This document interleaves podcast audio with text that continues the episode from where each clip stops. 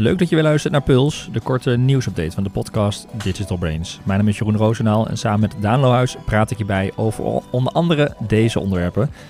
Google komt met vernieuwde favicons, Amazon België is live, er zijn nieuwe B2B targeting opties in Instagram en Facebook en Instagram voegt ook nog nieuwe advertentieplekken toe. Wat betekent dit voor adverteerders, maar vooral voor gebruikers? Videodienst Apple TV Plus krijgt mogelijk ook advertenties. En we hebben een echte must-see, de Labrador vandaan volgens AI. Toch Daan? Ja, en dat kan nu voor iedereen. Ja, kan voor Je kunt ook ja. je eigen hond in AI laten genereren of elk ander plaatje met Ja. DALL-E. Nou, ik ben benieuwd wat jouw zo. ervaring daarmee is. En op de achtergrond kun je ook nog wat eh, ge- gerommel horen, want we zijn, terwijl we deze puls aan het opnemen zijn, tegelijkertijd de boel hier aan het verbouwen voor de opname van de deep dive. Dus eh, dat kwam nu even agendatechnisch zo samen dat we dat eh, op dezelfde plek moeten doen. Maar de jongens hier doen heel, en de meiden doen heel zachtjes. Eh, en Daan, we gaan eerst even beginnen met Data Studio. Want Google voegt de dashboarding tool Data Studio en hun BI-rapportage Looker samen nu. En dat gaat onder één naam Looker Studio. Een, nieuwe naam eigenlijk in de, in de branche voor Ja. heel veel marketeers. Want het was allemaal natuurlijk vooral bekend als, als Data Studio. En ja, daar zit wel een, een bewuste gedachtegang achter van, eh, van Google, toch? Ja, want Looker, dat, dat, ik, ik, ik gebruik het eerst eigenlijk ook nooit eigenlijk. Maar ik, ik heb er wel eens van gehoord. Maar het is een soort concurrent van eh, eh, Tableau en Power BI. Ja, En het is echt wel next level. Ja, waar Tableau eh, de, eigenlijk een beetje de uitvinder is van goede dashboarding, die helemaal een datavisualisatie eigenlijk in het algemeen. Ja. En Power BI van Microsoft natuurlijk ook de soort gratis eh, instapoplossing is die je bij Office 365 krijgt als Ja. het ware. Die ook wel veel wordt gebruikt in eigenlijk de met hele, praktijk. heel veel brondata gewoon heel veel eigen rapportages continu kan Ja. maken. Hè? Dat, Maar dat ook idee. meer dan alleen maar web. Da- Google Data Studio is meer gegroeid vanuit inderdaad een soort dashboarding voor eh, online marketeers, denk ik. En Ja. dat is echt hele light instap die echt meer op Power BI leek. En Looker was meer de krachtige variant. Dus hadden Google eigenlijk twee producten. Ja. Eentje meer een soort BI en enterprise-achtig. En, eh, En en Data nog- Studio was een beetje een kneuter instaptoeltje voor de meeste. Behalve voor web analytics. Want je had natuurlijk allerlei koppelingen met Data Studio. Met allerlei ja, SaaS-tools voor online Ja. marketing. Maar je had ervoor zelfs nog, de, of heb je de analytics rapporten zelf. Ja. En die waren vaak ontoereikend. Data Studio bracht meer mogelijkheden. Looker eigenlijk echt voor de, ja, voor de De power users, power denk users. ik. Ja. Maar nu hebben ze gezegd, ja, Data Studio gaan we eigenlijk gewoon uit de markt halen qua naam. Ja. Het wordt Looker. En je kunt ook zo meteen meer. Ik denk dat het goed nieuws is voor, want eh, we zien het hier ook natuurlijk bij Advice en bij alle online. Het gaat steeds verder. Het wordt niet alleen maar het kanaal online en je web analytics. Je gaat steeds meer BI, Mhm. eh rapportage ook integreren over sales en voorraad in éénzelfde ja, dashboard. van omnichannel, data. maar Ja. ook dieper de organisatie. En omdat digital steeds meer processen raakt, dat niet alleen maar de, de, de leads zijn die je inschiet, maar ook sales, CRM, maar ook verder diepere eh, voorraadniveaus. Denk Ja. aan e-commerce. Dus op zich is het goed nieuws, denk ik, dat je dat straks, ja, dat het dichter naar elkaar toe groeit. En, en het zou een bedreiging kunnen worden voor andere BI-rapportage, andere merken die je net noemde bijvoorbeeld, die aan de markt bekend staan. Ja, Als- ik denk dat dat ook een beetje de strategie van Google zal zijn. Want de, eh, net als eh, Microsoft heeft volgens mij ook wel echt een voorsprong met eh, Power, Power BI. BI. Omdat het gratis is. En dat is een tool, ja, die kun je al redelijk snel en veel gebruiken als je Office in een Office-omgeving zit. En dus van in, Ja. de, in de organisatie gebruik maakt van Microsoft tools. En Google is denk ik, planten ze hier even hun, hun, eh, hun eh, hoe noem je dat? Eh, een zaadje. een voor- zaadje in de meeste online marketingorganisaties voor Google producten, zeg maar. Ja. Want dan kun je Data Studio, ja, hebben sommigen al in markt als ja, in de ik denk dat Data Studio heel vaker al was naast eigen BI. En Ja. zeg je eigenlijk, hé, maar we hebben Data Studio, althans Looker. En dat betekent dat we ook heel makkelijk de stap kunnen zetten naar Doe maar de upgrade ja. en haal de rest er ook maar bij. Dus Hm. eh, ja, Interessante ontwikkeling in ieder geval. Maar, maar het gaat uitgerold worden. Dat betekent dat de naam van eh, Data Studio dus ook daadwerkelijk gaat, eh, gaat verdwijnen. Is Ja, het een harde nee. datum?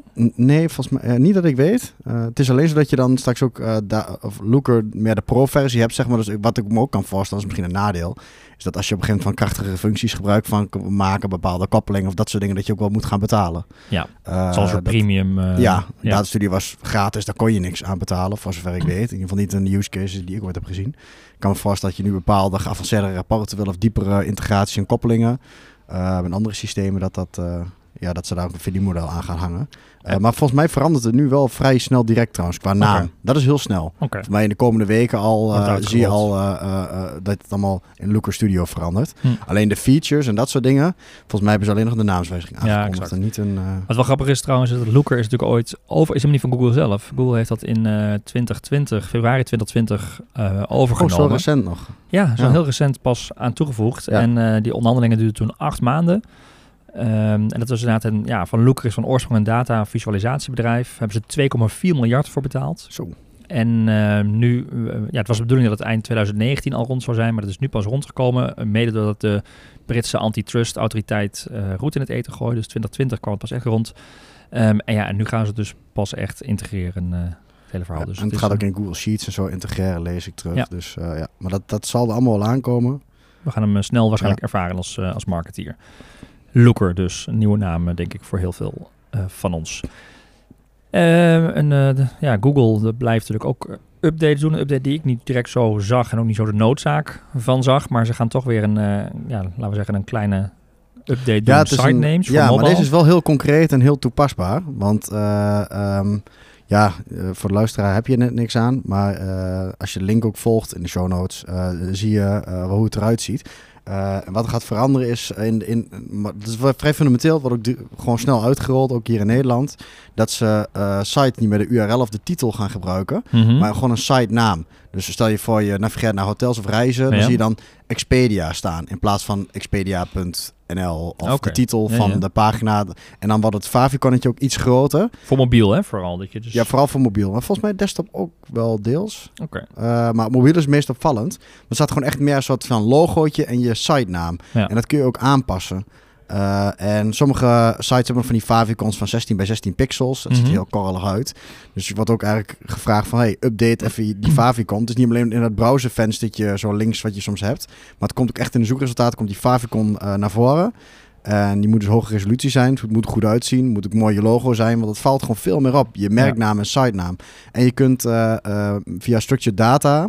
Um, in de website, dus, en dat is een title tag, zeg maar, kun je ook de sitenaam soort definiëren. Dat wil niet zeggen dat Google hem gebruikt, Nee. keihard, maar dan geef je wel de suggestie van wat zou er moeten staan. Ja. Dus heb je bijvoorbeeld een sterke merknaam, uh, dan is het goed ook om dat daar op Wat die daar manier toe te voegen. Dus, uh, en dat Ja, gaat bij ads ook er zo uitzien. Dus je advertenties, de paid search ads, komt ook zo'n favicon en een site titel bij te staan. Dus wordt wel, uh, ja, Ja, volgens mij is het wel gericht op de mobile search, omdat je dan beter ook de, de, inderdaad de site naam, de autoriteit, of de, de eigendom soort verificatie hebt, visueel ook. Dat is nu altijd een beetje soms zoeken van ben je nou echt op de site die je zocht, of is het iemand die erop inhaakt? Ja, met een merk of wordt, titel. met een merk of ja. Ja. dus dat is eh, wat zuiverder daardoor. Eh, maar dan kun je dus voorbereidingen treffen al door dat gewoon goed op je site in te stellen, favicon eh, te uploaden en dan wordt het uitgerold. Ja. Ehm, belangrijke aanpassing. Dan eh, hebben we het natuurlijk ook vaak over gehad over Amazon en de uitrol richting, eh, richting Europa. Nederland is live gegaan. Eh, maar inmiddels is ook, of inmiddels, pas vorige week eigenlijk, is de Belgische versie van Amazon live gegaan. Althans, in België kon je natuurlijk wel bestellen via Maar dan was Amazon. het Frankrijk of Duitsland Ja, of, Nederland. Ja, je moet altijd een van die landen, maar nu is het echt iets voor, voor België zelf. Met meer dan 180 miljoen producten. En, en dat is denk ik nog wel een voorsprong ten opzichte van Nederland, een deel van die producten zijn al de dag zelf te leveren. Want dat is eigenlijk nog de achterstand die Oh ja, Amazon ja. hier heeft. Eh, maar die zijn dus al op een dag zelf, eh, dus binnen een dag te leveren. Ze worden voornamelijk geleverd vanuit Frankrijk en Duitsland. Maar in Antwerpen heeft het bedrijf ook een eigen bezorgcentrum geopend voor de regio Antwerpen. Hm. En vanuit daar kunnen couriers dus eh, nou ja, een bepaalde regio... Specifieke selectieproducten. uh, ja, ja. hard, de, de populaire producten Ik waarschijnlijk. las alleen wel dat ze Amazon.be niet hebben. Nee. Dat de verzekeraar daarmee van de is verzekeraar, daar hebben ze blijkbaar nog nooit eh, kunnen, eh, kunnen kopen of zo op de een of andere manier. Ja, maar waarom is het dan echt een, een verzekeraar die zo heet? Anders zou ik zeggen van... uh, ja. Juridisch heb je best wel wat uh, argumenten om hem uh, te eisen, op te eisen. Of Ja, tenminste of geld mogen te kopen. Ja, precies. Ja, Ze zeggen, Amazon nou, wel diepe zakken heeft. Ja. Ehm, en ze zeggen wel, eh, Amazon zegt, we, de, de winkel eh, is er met lage prijzen en op elk moment. Maar ze geven geen laagste prijsgarantie. Dus eh, ze zijn nog niet, dat zeggen ze ook, er- erkennen ze ook wel, we zijn niet de goedkoopste. Ja. Eh, maar je hebt wel met een Prime lidmaatschap, dat ook eerder over gehad, wel weer bepaalde voordelen. En dan kan het wel weer interessant zijn. Eh, echt in België dus, dus ook iets om rekening mee te houden. Ehm, en dat betekent ook dat je daar je campagnes... eh, ja, marketplace. Als je op, marketplaces Amazon ja. actief bent, dan komt er nu gewoon ja, een soort mini-Nederland weer bij. En ook vanuit Frankrijk natuurlijk met de Franstaligheid. Want dat zullen ze ook vast aanbieden, neem ik Ja, aan. ja. Ehm, heb je wel weer een, zo'n kwad markt erbij misschien. Nou ja, en dat geeft een stukje aan van de strategie van Amazon. Ze verwachten wel een bepaalde groei, dus neem het mee in je marketplace-strategie, dat je echt in de Belgische variant gaat. Dan zijn er bij Instagram en Facebook een nieuwe targeting-opties die vooral interessant zijn voor B2B. B2B, ja. Want dat is altijd een beetje de crux. Soms hebben we het ook wel eens bij bepaalde strategieën. Zeggen van een klant eh, die echt in de B2B zit. Van eh, heb je wel aan eh, Instagram en Facebook gedacht? Dan is het vaak. Hoezo? hoezo? Dat is toch LinkedIn en dat soort dingen. Nou, niet. eh, ik bedoel, jij en ik zijn ook professionals. En Ja. we zitten s'avonds of. Eh, ja, overdag een keer tussendoor. Af en toe Je bent ook op gewoon Instagram. Je bent ook gewoon consument particulier. Eh, alleen het moeilijke is altijd om dat te targeten. Nou, het kon in het verleden ook al wel prima met lookalikes of door bepaalde interesses. En, en ga maar na. Ik weet niet als je, of de professionals luisteren, denk ik het wel. Zie je soms ook wel eens bepaalde SaaS-tools Ja. of online marketing dienstverleners of eh, eh, dingen voorbij komen. We in je socials remarketingstrategie. de- Het kan best zijn dat iemand op zijn werk jouw site bezoekt, maar s'avonds op Facebook in de remarketing eh, jouw uiting weer opnieuw voorbij zit te Ja, komen. en misschien interessante content. Of gewoon, hè, dat, dat Ja. kruist ook over qua inhoudelijkheid soms. Hè. Soms is het gewoon leuk om te lezen. Eh, ja, hebben mensen echt van hun, eh, van hun werk een hobby gemaakt, als het Ja. ware. En, is het echt niet zo dat je dan s'avonds om vijf in huis gaat en niet meer vatbaar bent voor B2B-boodschappen. Nou, exact. Eh, moeilijke was soms wel om echt ook vanaf het begin af aan, van de meet af aan, de targeting goed te hebben. Want waar Mhm. begin je? Wat jij al zegt, remarketing, lookalikes. Dan heb je al wat traffic nodig? Heb je iets nieuws? Of hè, moet je nog beginnen? Of is je traffic gewoon nog zo laag dat je daar eigenlijk niks mee kan? Dan is het vaak van ja, hoe target je nou? Want vaak in interesses of in, ja, je hebt geen startpunt voor je doelgroep. Nee. Eh, er zijn nu een, ehm, een drietal. Wat op eh, LinkedIn heel duidelijk is aan functies, Ja, hè, en- en precies. Gewoon, ik wil beslissers of de CEO's van die bedrijven. Dat is vrij makkelijk. En eh, nu heb je een aantal segmenten die zijn erbij gekomen. Het is trouwens al zo sinds augustus. Dat was een Hm. beetje laat, het stond al een tijdje op het lijstje. Maar iemand attendeerde me nog even op. Dat ik dacht, hé, hey, maar het is wel een belangrijk als je in de B2B zit. Dat zijn dat je ehm, ehm, eh, de IT decision makers is een specifieke eh, audience. Mhm. Uh, en dat doen ze op basis van job titles. Dus ook mensen die aangeven in hun profiel dat ze. Nou, dan hebben ze waarschijnlijk met AI een segment gebouwd van mensen die IT-beslissers zijn, vision decision makers, op gebas gebaseerd op titles en interests. Dus dat is een bredere groep. Uh, en dat is ja, iedereen die ja, business decision makers zijn op basis van job titles, maar ook interests. Dus okay. heb je interesse in marketingstrategie en, en, en, dat soort dingen. Wel interessant hè, hoe is dat aan de hand van je gedrag toch ja, en echt wel een segment beschikbaar maken. Zonder dat je specifiek kunt targeten dus, uh, uh, op die titels. Hebben ze wel een segment waar die titels in bevatten. Dus waardoor je ja, wel een soort uh, ja, groep kan vangen... die dus waarschijnlijk wat met, met B2B processen doen eigenlijk. Allemaal, vooral die staffuncties en zo. Ja. Marketing, sales, operations, dat soort dingen. Dus je hebt een goed beginpunt. En als laatste heb je nog de new active businesses. Dus dan kun je targeten op bedrijven die 6, 12 of 24 maanden geleden gestart zijn. Okay. Dus bedrijven die echt in, ja, in de opstartfase zitten... die kun je ook specifiek targeten.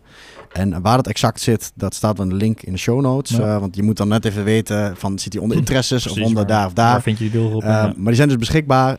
En ja, goed om daar, zeker als je binnen B2B's en je hebt al bestaande targeting, om dat als segment is te gaan testen met je boodschappen. Of als je nog geen B2B campagnes doet, omdat je ja, altijd er tegen zat van ja, hoe gaan we dat targeten? Waar moeten ja. we beginnen? Heb je nu dus wel een, ja, een, een segment waar je wat mee kan. Ja interessant om te proberen. Waarbij misschien wel, ja, het is natuurlijk een stukje, waarschijnlijk ook AI.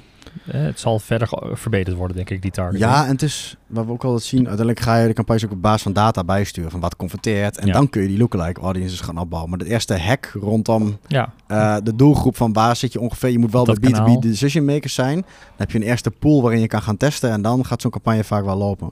Hm. En dan krijg je lookalike audiences en hè, op basis van data. Maar het eerste stukje is altijd lastig. Ja. Hey, en denk je dat uh, Facebook en Instagram dit naar de toekomst toe verder zullen uitbreiden met nieuwe doelgroepen? Dat weet ik niet. Ja, het zou kunnen. Uh, want Ze verliezen nu best wat in de B2B aan LinkedIn, ja, denk ik. Ja, ja, ik denk dat ze wel wat gaan moeten. Want uh, je ziet uh, uh, dat ook een hele hoop targeting opties weer uitgekleed worden, zeg maar, die heel specifiek zijn. Dus echt ja. op interesses targeten of op persoonskenmerken.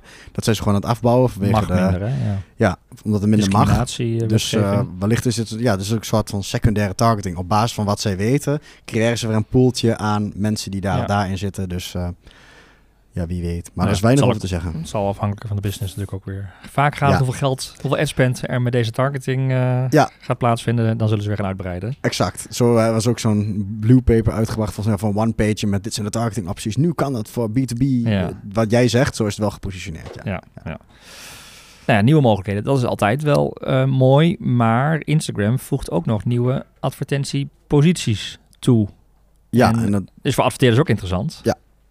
Ja. Maar voor de consument, voor de gebruiker wordt het wel... dat is een beetje de vraag, want dat was natuurlijk de kritiek. Van, ja, je krijgt steeds meer ads, steeds meer algoritmes. En ik denk dat ze dat uiteindelijk moeten oplossen met ja, betere algoritmes. Want je hoort Ja. gewoon overal van, ja, eh, eh, leuk zo'n recommendation algoritme. En niet meer de pagina's die je alleen maar volgt. eh, dat zet sinds deze zomer zo. Ja.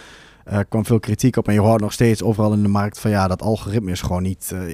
TikTok is een stuk beter, krijgt betere recommendations. Bij Instagram voelt het wat meer random aan. Hm. En eh, daar is veel kritiek op. En ondertussen voegen ze dus ook nog veel nieuwe eh, ja, advertentieplekken toe. Dus niet alleen maar in de feed. En dat zijn er nu vier die eh, komen. Maar op zich voor adverteerders is het wel belangrijk om daar denk ik in mee te gaan en die dingen te testen.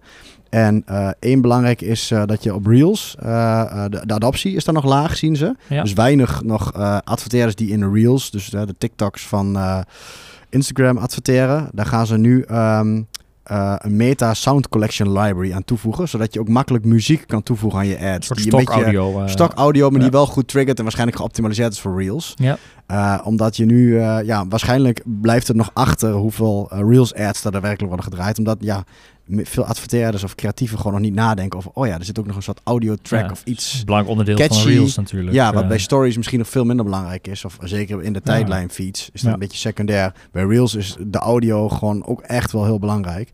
Ehm, en, Maar dat heeft ehm, TikTok uiteindelijk toch ook. Ik bedoel, TikTok heb je ook een hele audio database waar je uit kan, kan Alleen kiezen. TikTok, die, ja, die hebben dat al. En daar is natuurlijk gewoon überhaupt, als je gaat adverteren op TikTok, denk je, hey, eh, daar moet iets audio bij, want dat is het enige format Ja. wat er is. Ja, In Meta en Instagram ja. is het, eh, we hebben onze story ads, tijdlijn ads, eh, die, die, die, al zoveel varianten. En dan moet je bij Reels Allemaal nog zonder even audio, weer aan- Reels moet je een audio denken. Ja, nou ja, zonder audio is ook niet helemaal waar, maar Nee. veel minder impact, laat ik zo zeggen. Dus, eh, nou en ehm, dan heb je nog de Explore Home en Profile Feed ads. Dus dat is echt in de, als je kijkt op jouw profiel, heb je al die hele galerij van alle foto's die je ooit hebt gepost. Ja. Daar komen nu ook blokjes van ads tussen. Die vind ik wel echt ook vrij Oh, intrusive Dus en mijn heftig. profiel wordt gebruikt Ja, om dat kan dan ook in één keer zo. Je ziet jouw Hmm. fotootjes, zeg maar, en dan in één keer komt er zo'n blokje met Oh. een ad ertussen. Die vind ik zelf ook nog wel vrij heftig. Hoewel ik me niet kan voorstellen dat mensen heel vaak een profielpagina bezoeken. Wow, ik denk bij grotere dingen dat je dat... eh, Ja, ja, precies. en ze zijn misschien een beetje wanhopig ook bij... eh, Ja, waar kunnen we nog Waar ergens een kunnen we nog advertentie meer? ja, dat is wel zo. Lekker dan. Eh, hetzelfde, hetzelfde geldt een beetje voor op AI gebaseerde multi-advertiser ads noemen ze dan. Dus als je gaat swipen op een gegeven moment, je ziet een paar schoenen. Dat je denkt, hé, hey, wat vet, ik ga in die carousel swipen. Dat je Ja. dan ook gewoon andere, dat het niet van één adverteerder meer is. Maar dat je dus Oh. meerdere, Dat je door Eh, kunt gaan naar een eigen andere als. Instagram ziet, oh, je- een sch- een schoen. Dan krijg je een soort, ja, TikTok-achtig format ook, dat, dat je doorswipt naar andere Ja. schoenadvertenties, zeg maar. Die vind ik nog wel vrij krachtig Ja, trouwens. dat Want geloof ik ook wel. Dan ben je ook echt aan het oriënteren. ja, als die eh, trigger dat er is. Ja. Eh, en tenslotte, maar die is een beetje futuristisch, maar de AR-ads. Dat is nou een open beta geworden. Waardoor je ook ja, ehm, eh, met Spark AR, dat is dan de tool, ehm, ook iets kunt eh, ja, in 3D kunt zetten. Dus eh, Hmm. daar hebben we het volgens mij al een keer eerder over gehad. Dat is vooral make-up, kleding, schoenen, Ja. dat soort dingen. Dat je dat dan 3D kunt visualiseren. Is wel leuk, kan wel een first mover advantage zijn. Maar als je daar dus mee komt, dan is dat waarschijnlijk de eerste keer dat iemand denkt... hey, wat is dit dan, een 3D-model en een advertentie? Wat vet. Dat is nu nog, trekt dat natuurlijk nog aandacht. Eh, en dat is een open beta, dus daar kan iedereen aan meedoen. Dat was ooit een keer gesloten beta, geloof ik. Dus dat is eh, wellicht iets wat, eh, wat je kan testen als je in een branche zit waar AR eh, wat kan toevoegen. Ja. Overigens wel interessant, we hebben het veel over AI, maar de metaverse is wel een keer een deep dive waard. Want ik hoorde ook heel veel kritiek op de metaverse en dat AR, hè, om het echt Ja. op grote schaal toegepast te krijgen. Ja, ook een beetje het ge- geluid dat dat van Facebook een beetje aan het floppen is. Ja. Zeg maar dat de medewerkers zelf niet mee willen doen. En Nee, ja, Het lijkt een beetje een hobbyproject te worden, wat misschien toch... duur hobbyproject. Duur hobbyproject, misschien wel dat de dalende is. Ja, en we blij, ja, het blijft toch wel advertenties, advertenties, advertenties blijven wel een beetje rode draad eh, van al die platforms. Want we hadden het al eerder over Netflix. Hè, dat komt met een goedkoper abonnement, maar wel met advertenties. We Apple gaan nu ook echt beginnen in Spanje Ja, en in Nederland nog niet. Maar dat is Ja, dat een paar maanden en het komt er. Ja. Ja. en ik denk overigens in de huidige tijd van inflatie en, eh, en energiekosten dat mensen misschien willen afschalen en een paar advertenties daarvoor Ja. eh, terug willen nemen. Dus ik geloof wel dat het een interessant model is. Eh, en Apple TV, eh, of Apple dacht dus ook met een TV Plus abonnement, dat gaan we ook eens proberen. Eh, nog niet officieel aangekondigd, maar er, ze zijn wel blijkbaar heel concreet in gesprek met adverteerders. En er wordt gesproken dat er mogelijk al begin 2023 uitgerold gaat worden. Dus op de achtergrond wordt er zachtjes gewerkt aan een eigen DSP. Ja. Waar je zo meteen eh, ja, eh, advertenties op kunt Dat is ook inkopen. interessant, want eh, hoe privacy, want omdat Apple altijd zo zit op die privacy, Ja. zeg maar. Maar ze doen ook wel gaan heel veel met adverteren in de App Store trouwens. Dat Ja. doen, doen ze wel al veel. Maar uh, het is inderdaad wel interessant van welke targeting opties komen er dan. Die niet dan privacy, uh, die echt wel privacy proof Ja, het, het idee van Apple is altijd, jouw data wordt niet gebruikt om daar commerciële activiteiten uh, mee te Exact, tenzij je daar expliciet iedere keer ja. weer toestemming voor geeft. En dat vinden mensen natuurlijk wel minder interessant. Dus ik ben benieuwd hoe ze dat gaan aanpakken. Ja, in ieder geval weet dat, dat, dat ze daarmee bezig zijn. blijkt uit gesprekken met adverteerders. En dan, Daan, toch wat hoogtepunt van deze aflevering. Ik kreeg beelden door van jouw Labrador met een panda. Ja, was dat spelen gegaan. Want jij hebt ergens toegang toe. Nou, nee, ik niet. Uh, iedereen. Iedereen. En dat is een beetje het nieuws ook. Uh, want DALI hebben we het eerder over gehad. Ja. Uh, van die ehm, ja, AI-gegenereerde afbeeldingen eigenlijk.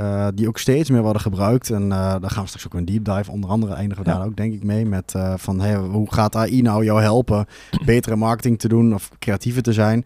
En het mooie is, je kunt nou naar DALI navigeren. De link zit wel in de show notes. Ehm, dat het nu beschikbaar is zonder een waitlist. Mm -hmm. Dus je kunt gewoon een account aanmaken ehm, met je uh, met je e-mailadres en je moet even je telefoonnummer verifiëren. Dat doen waarschijnlijk mensen niet allemaal dubbele dingen gaan aanmaken.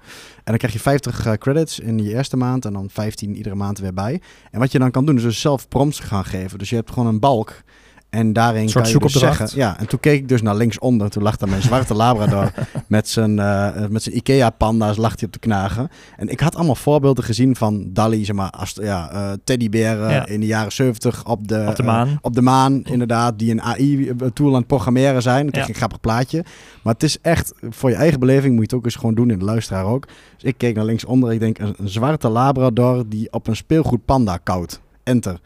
En ik kreeg zo waar gewoon. Ja, ik denk in een tweede poging moest even iets. Ja, ik was zeggen, dat prompt engineering. Jouw hond waren een, uh, was een panda. Met een panda. Ja, toen kreeg mijn hond kreeg dus een panda gezegd. Het is niet eens jouw hond trouwens. Het is jouw soort hond. Ja, mijn soort hond. Ja. Uh, maar als je een zwarte Labrador, die zijn die lijken wel een beetje op elkaar. Ja. Um, dus uh, ja, dat kreeg ik gewoon na de tweede poging wel. Want toen moest ik zeggen, hij bij koude chewing, uh, want hij had hem in zijn mond, zeg maar. Oh, ja. En playing. En dan werd de panda en de hond, werd een soort fusie. Hij kreeg een, zo'n witte streep over zijn neus. neus. Uh, maar het bijzondere daarvan is, hoe pak, pas je nou praktisch toe? Je ziet al steeds meer bij artikelen of bij... ik lees het ook wel in de krant bij AI-artikelen mm -hmm. of in de bladen of op internet. Op artikelen dat je vaak even zo'n illustratie en afbeelding erbij hebt. Um, je kunt er echt ja, alles mee maken wat je wil. Dus die, die hond van mij, zeg maar, daarna dacht ik, ik wil hem buiten op het gras. Oh ja. En zo waar, je hebt hem buiten en ze spelen met een panda op het gras. Ja. In het water, geen probleem. Moet hond nat zijn, ook goed. Ja. En je krijgt iedere keer vier afbeeldingen terug, waarvan er zeker wel één, zeg maar, er zijn er drie die zijn wat afwijkend. Maar vaak één, of met een kleine correctie in die prompt, zeg maar. Je, Kun je corrigeren. Ja, en je krijgt ook allemaal tips. Maar, maar, maar uh, analyseren ze ook welke jij dan, uh, vragen ze ook welke je het meest op vond lijken? Want daarmee zou je het algoritme weer kunnen trainen. Nou ja, natuurlijk. je kunt dus uh, favorieten aanmaken. Dus waarschijnlijk wat het algoritme beter in wat... Dus de DALI zal waarschijnlijk zelf verbeterd worden. Maar het is verbazend als je op een gegeven moment, dacht ik ook... Een vrouw in een rode auto die op een brug rijdt, krijg je ook allemaal plaatjes. En soms kloppen de, zijn de kleine dingen af, zeg maar had je in de auto heb je in één keer ontbreekt de B-stijl van de partier, weet je wel. Oh, ja. En dat je een heel groot zijraam hebt. Een soort panorama-auto aan de zijkant. Maar die pak je dan niet en dan selecteer je een andere die wel goed is. Ja. En dus als je, gebruikt uh, op, op, content die, die even tijdelijk is, hè? een story waar je wat leuks voor zoekt, dan is je ook zo weer weg. En dan gaan mensen je knipt een stuk eruit. Of, je, of je, je, je gaat dus dat prompt iets aanpassen, zodat je wel een goede plaat krijgt. Maar je kunt in principe overal gewoon nu een, een beeld van krijgen. Dus wat je anders met stokfotografie moest doen, je kunt nu iets voor jezelf ja, en net iets aanpassen. En, uh, maar het bijzondere is ook dat je dan kunt zeggen tegen een donkere achtergrond bijvoorbeeld. Ja. Ik heb het gewoon geprobeerd voor een klant, bedacht ik bij in één keer, met lasrobots. Oh ja. Die zegt ik wil graag een lastorch op een haarbalk hebben met een donkere achtergrond waar de, de, de sparks in de rond vliegen. Oh ja krijg je gewoon. Ja, je binnen drie de, prompts, zeg maar, ben je er. Je hebt dan dus de, home, de, de, nieuwe hoofdfoto op de homepage, bij wijze van spreken. Op die ja, als het ware wel. Die last ja. zou waarschijnlijk een engineer naar kijken en denkt van, wat is dat dan voor een ding? Ja. Want hij, technisch gezien is het natuurlijk niet exact nee. een bestaand iets. Maar voor illustraties, achtergrondfoto's en dat soort dingen is het echt uh, ja, bizar. Dus uh, leuk om te proberen. Ja, en dus nu vrij toegankelijk in krijgt uh, credits om mee te experimenteren als je ja. je aanmeldt. En Microsoft heeft er dus ook aangegeven dat ze, die hebben ook GDP3 in Office ja. en zo gaan ze integreren. Dat ze ook in producten zoals ja, voor designers een afbeeldinggeneratie en stokfoto's in Microsoft Office, zeg maar, uh, dat ze dat ook gaan integreren. Ja. Dus waarschijnlijk wat ik nu probeer, dat kun je straks ook gewoon in je Office pakket gaan ja. doen. Dus dat zegt gewoon je afbeelding uitkiezen. Op die manier ja. ga je daaruit vinden. Nou gaaf, mooi om te zien inderdaad. We hebben natuurlijk veel over gehad, maar dat je het ook als je zo mee experimenteert. Want vaak denk je wel eens van, ja, die plaatjes zijn te perfect. Ja. Maar als je experimenteert, kom je behoorlijk in de buurt. Uh. Ja, maar als je je eigen gang mag doen, dat is wel bijzonder dat je dan binnen drie tellen ook in één keer poef, zo'n plaatje ja. hebt. Dat ja. is uh, bijzonder. Ja. Leuk. Nou wil je het zelf uh, ontdekken? Ga naar onze show notes. Daar vind je de link naar onder andere dit onderwerp, maar ook alle andere onderwerpen die we bespraken. Die vind je op advice.nl slash podcast of onder deze aflevering in je podcast app. Tips, vragen, reacties zijn welkom via podcast.advice.nl. En wil je nieuwe afleveringen niet missen, bijvoorbeeld de deep dive die we zo meteen gaan eh, opnemen, ook onder andere over AI en het effect van AI op content. Oftewel, copywriting is dood. uh, als teaser. Uh, blijf, blijf dan luisteren en abonneer je op onze podcast in je favoriete podcast-app of via Spotify of YouTube. Voor nu weer bedankt voor het luisteren en heel graag tot de volgende aflevering.